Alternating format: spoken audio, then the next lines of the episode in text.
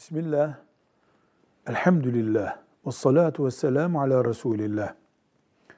Bir kişi öldü, o kişinin hanımı ve çocukları malına mirasçı oldu. Anne, şu veya bu sebeple bu mirası dağıtmayacaksınız. Herkes babanız sağmış gibi devam edecek diye bir kural koydu. Evlatlar, işte üç kız bir erkek ne kadar salar veya bir kız bir erkek babalarından kalan mirası alamıyorlar. Neden?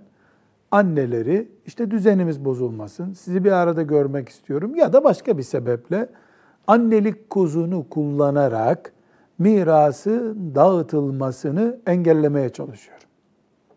Ne yapacaklar? Bir, anne dahil mirasçılardan herhangi birinin miras alanlardan herhangi birinin miras dağılmasın demeye hakkı yoktur. Ama aralarında anlaşıp hiçbiri itiraz etmeden annemizin dediği gibi olsun. Bu miras böyle kalsın deseler bu caiz olabilir. Hayır bir tanesi ben miras istiyorum. Babamdan düşen mirası almak istiyorum dese annesinin annelik hakkını kullanarak bunu engellemesi caiz değildir. Anne zulmetmiş olur.